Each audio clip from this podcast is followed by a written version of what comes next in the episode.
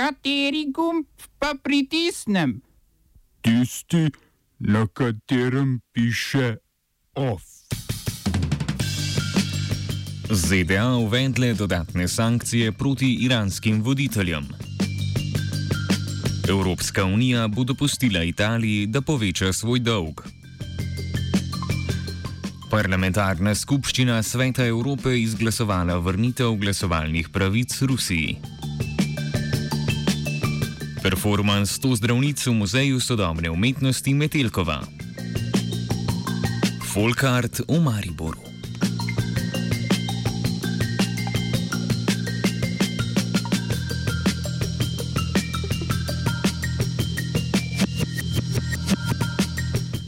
Palestinci na območju Gaze stavkajo v znak nasprotovanja investicijski konferenci za palestinska območja, ki jo organizirajo ZDA.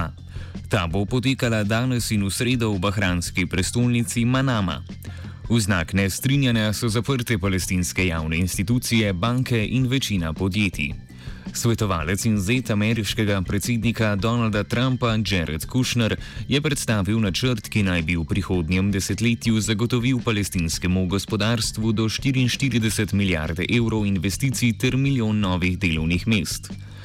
Palestinske oblasti zavračajo ta predlog in ob tem povdarjajo, da bližnji vzhodni konflikt potrebuje politično in ne gospodarske razrešitve. Napovedali so bojkot konference. Ko je maja 2017 Trump priznal Jeruzalem za glavno mesto Izraela ter preselil ameriško veleposlaništvo tja, so palestinci nehali obravnavati ZDA kot neodvisnega posrednika v bližnjevzhodnem sporu. Večina evropskih držav ni poslala predstavnikov na omenjeno konferenco.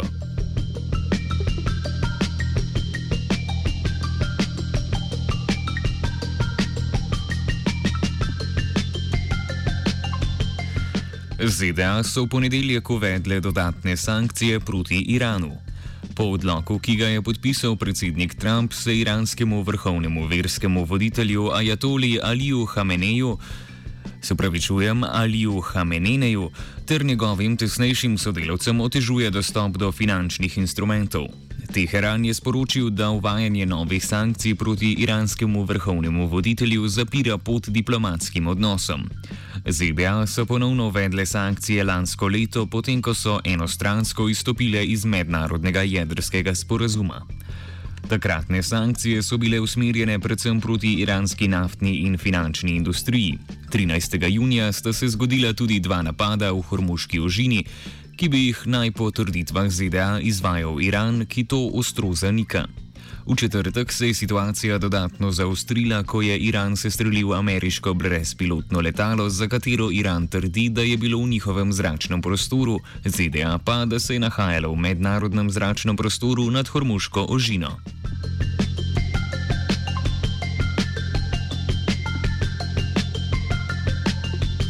Ameriško sodišče v Washingtonu je tri velike kitajske banke spoznalo za krive neupoštevanja sodnih nalogov v primeru preiskave bank zaradi domnevnega pranja denarja iz Severne Koreje. Tožbo je vložilo ameriško pravosodno ministrstvo, ki ima sedaj možnost, da zahteva, da se obtoženim bankam zapre ameriške bančne račune. Ameriški ukrepi bi lahko kitajskim bankam preprečili dolarsko poslovanje, kar je lahko za banke usodno, kljub temu, da poslujejo skoraj izključno na kitajskem. Tak ukrep bi bil močna eskalacija napetosti med ZDA in Kitajsko. Kitajski diplomati so v preteklosti povedali, da bi Peking sankcioniranje večjih bank razumel kot napoved ekonomske vojne.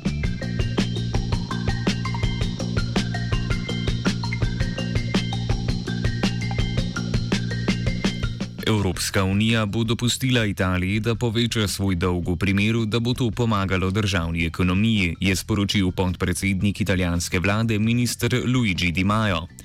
Pristojni minister, ki je tudi voditelj stranke Gibanje petih zvest, je dodal še to, da je prepričan, da ima partnerska nacionalistična stranka Liga jasno razdeljen načrt, kako s časoma uravnotežiti proračun. Kot so povedali uradniki Evropske unije na današnjem srečanju finančnih ministrov, Evropska komisija tako ne bo formalno sprožila postopka sankcioniranja. S tem pa EU upa, da bo italijanska vlada preuredila proračun in s tem začasno pomirila spor z Brusljem, ki traja že več kot eno leto.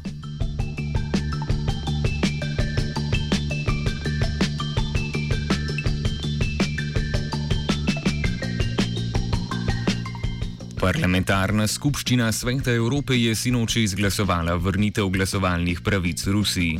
Te so ji bile odzete leta 2014 zaradi aneksije ukrajinskega polotoka Krima, na katero je Rusija odgovorila z bojkotom parlamentarne skupščine Sveta Evrope z angliško kratico PACE in nehala pošiljati svoje delegacije na zasedanja.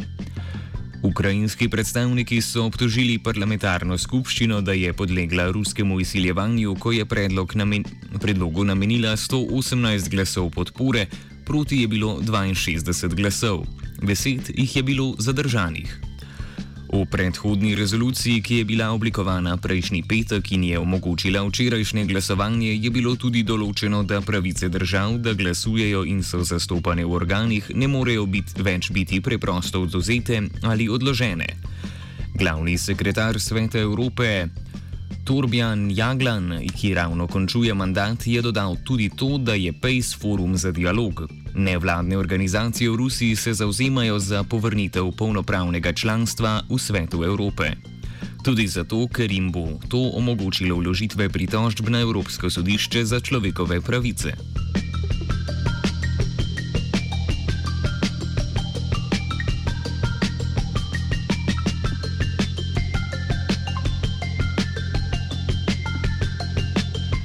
Vladimir Plahotnik je iz tujine najavil odstop z mesta predsednika Demokratske stranke Moldavije s kratico PDM. Istočasno pa je, dojal, pa da pa je dodal, da ostaja član moldavskega parlamenta. Bogati podjetnik, ki je postal politik, je vzdrževal visoko stopnjo politične moči v državi do tega meseca, ko so socialisti in koalicija AKUM vzpostavili novo vlado, čemu je sledil odstop rivalske vlade PDM. Še isti dan je večina vodstvenih kadrov stranke zapustila državo z enosmerno letalsko karto.